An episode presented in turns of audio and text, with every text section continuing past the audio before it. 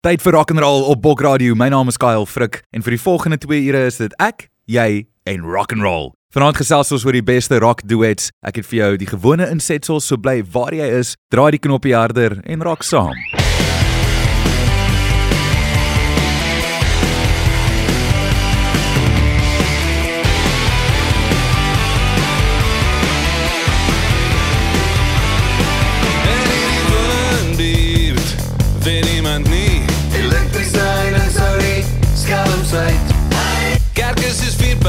Stanislav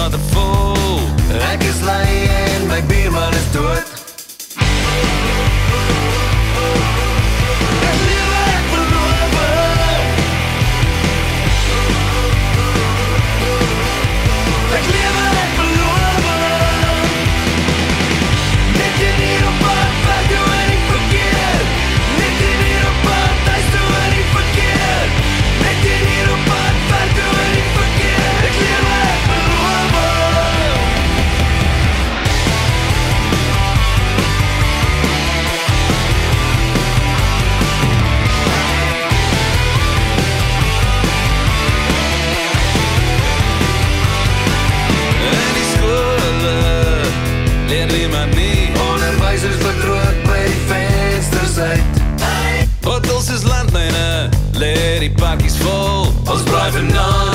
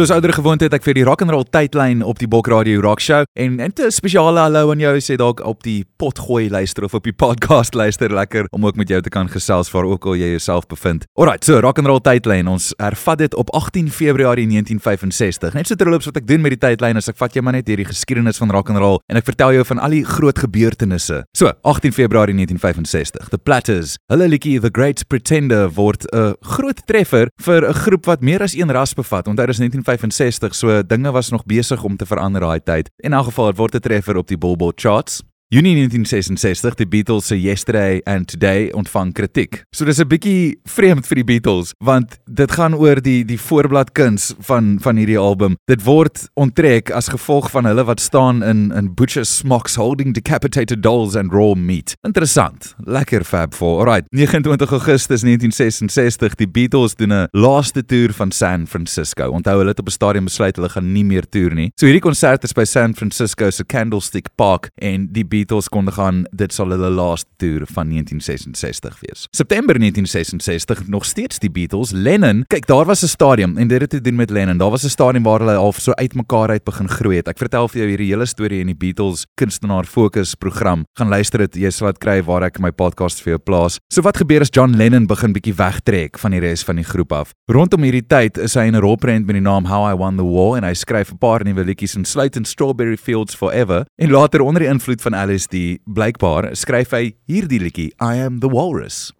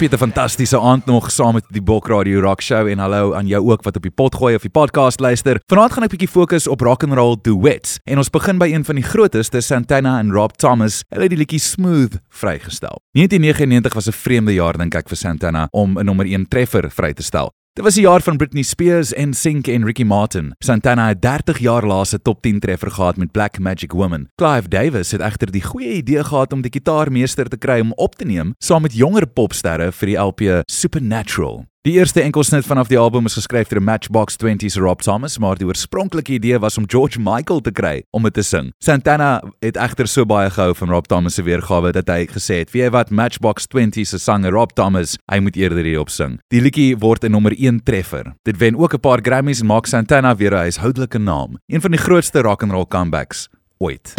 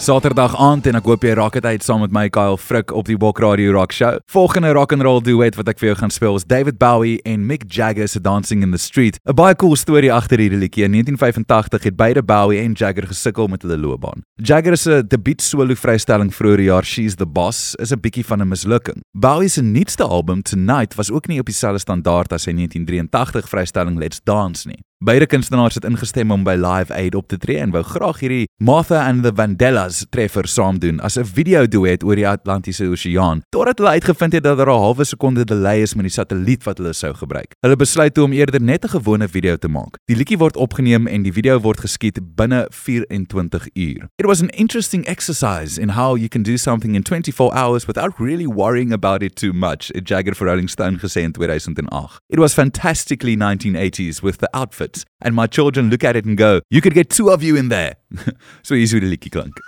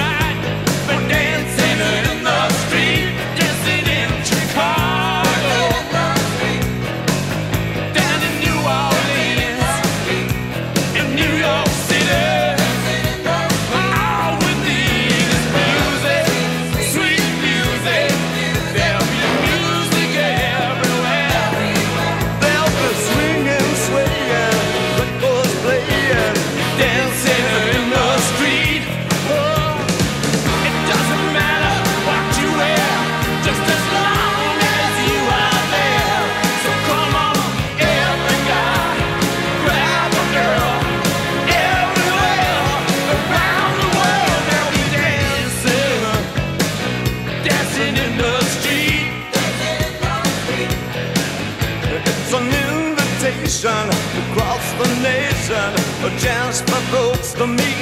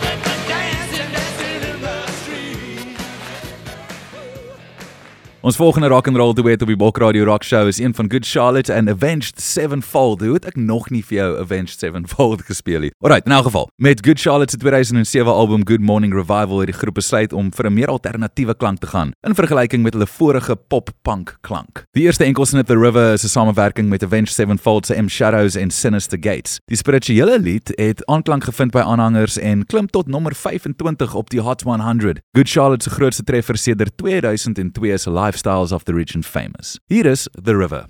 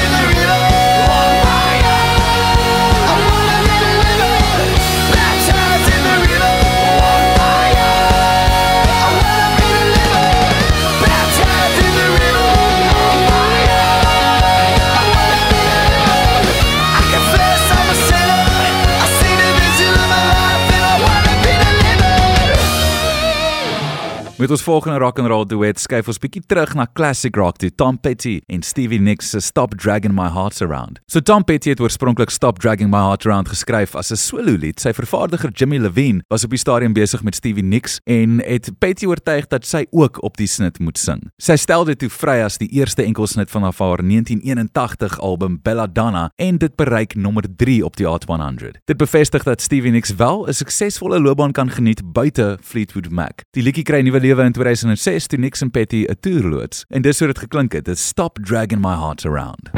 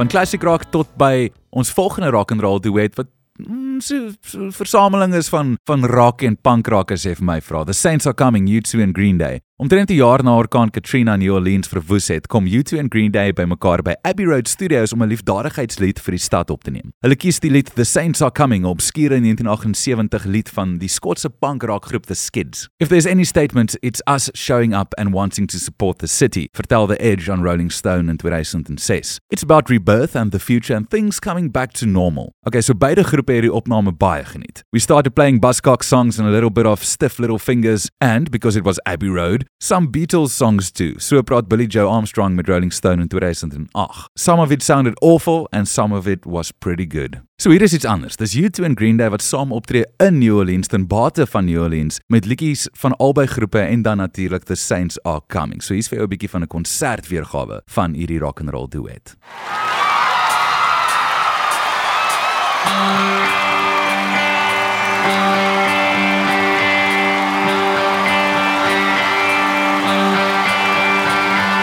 Summer has come and passed.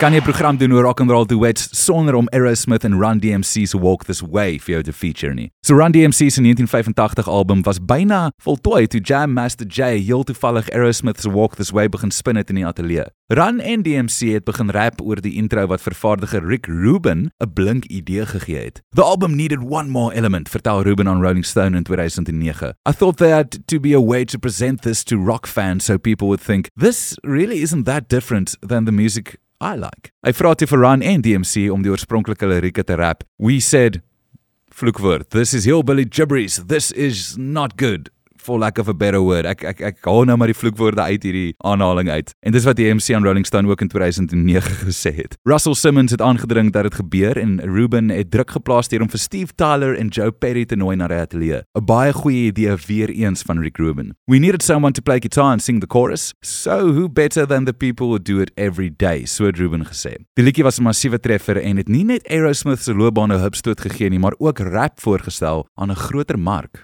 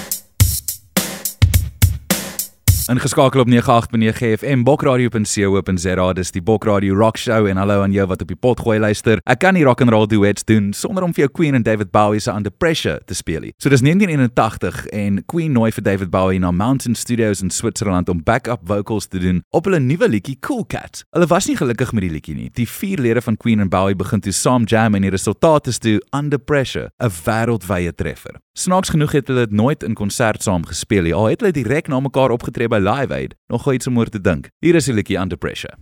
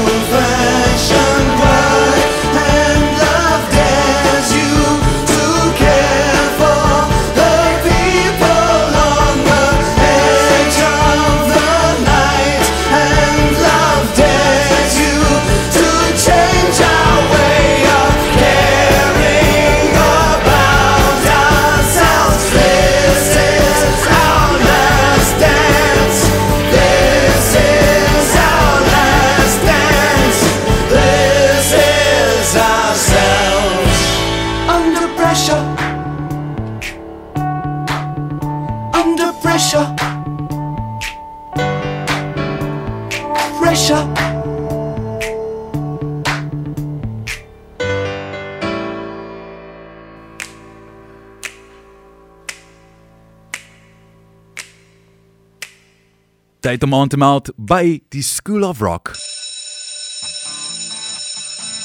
So School of Rock werk is ek eh, vra vir jou algemene kennisvraag oor rock and roll en so eenvoudig soos dit jy moet vir my sê wat die antwoord is. So is 'n bietjie van 'n rock and roll toets of 'n rock and roll eksamen wat bestaan uit een vraag wat ons net gou vinnig gaan aflê. Vanaand se vraag is watter twee rocksangers sing op die lied Hunger Strike van Temple of the Dog.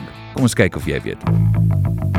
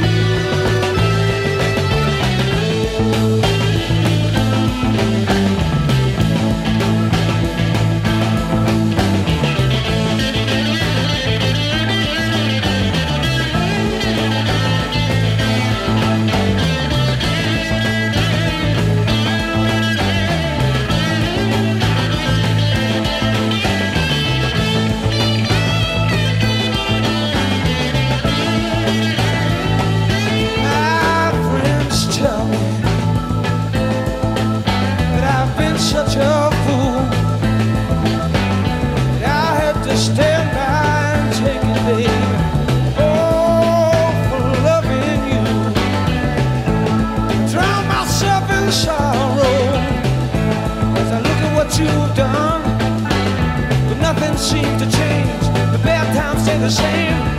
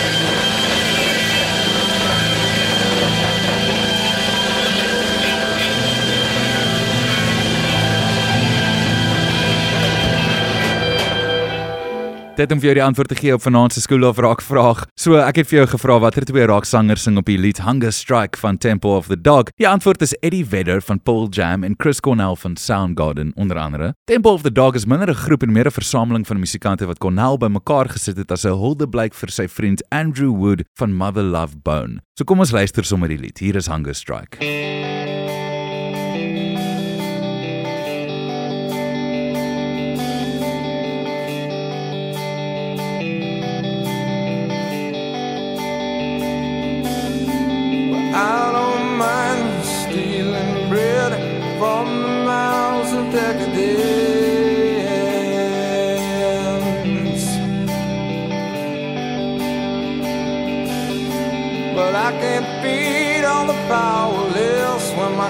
Cup's already overfilled. Yeah. But it's on the table, the fire's cooking. And the farming babies with slaves are working. The blood is on the table and the mouths are choking.